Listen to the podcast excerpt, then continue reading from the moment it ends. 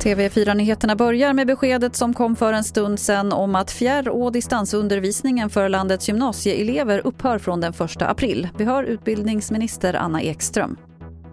Idag meddelar vi att Folkhälsomyndighetens rekommendation om den blandning av fjärr och distansundervisning och närundervisning som gäller för gymnasieskolan och som gäller till och med den 1 april inte kommer att förlängas.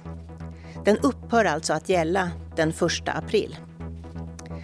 Det här kommer nog att ses som ett glädjebesked för många gymnasieelever och det glädjer förstås också mig.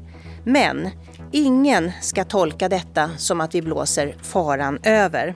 Mer om det här finns på tv4.se. Så det senaste om det containerfartyg som kört fast i Suezkanalen. Under natten har man fortsatt arbetet med att försöka få loss det enorma fartyget som blockerar kanalen. Men lågvatten och vind gör det svårt. Och flera andra fraktfartyg tvingas fortfarande ligga för ankar medan bärgningsarbetet pågår.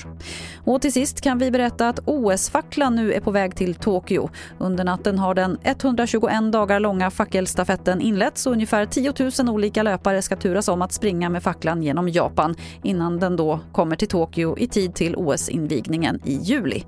Det var det senaste från TV4 Nyheterna. Jag heter Lotta Wall.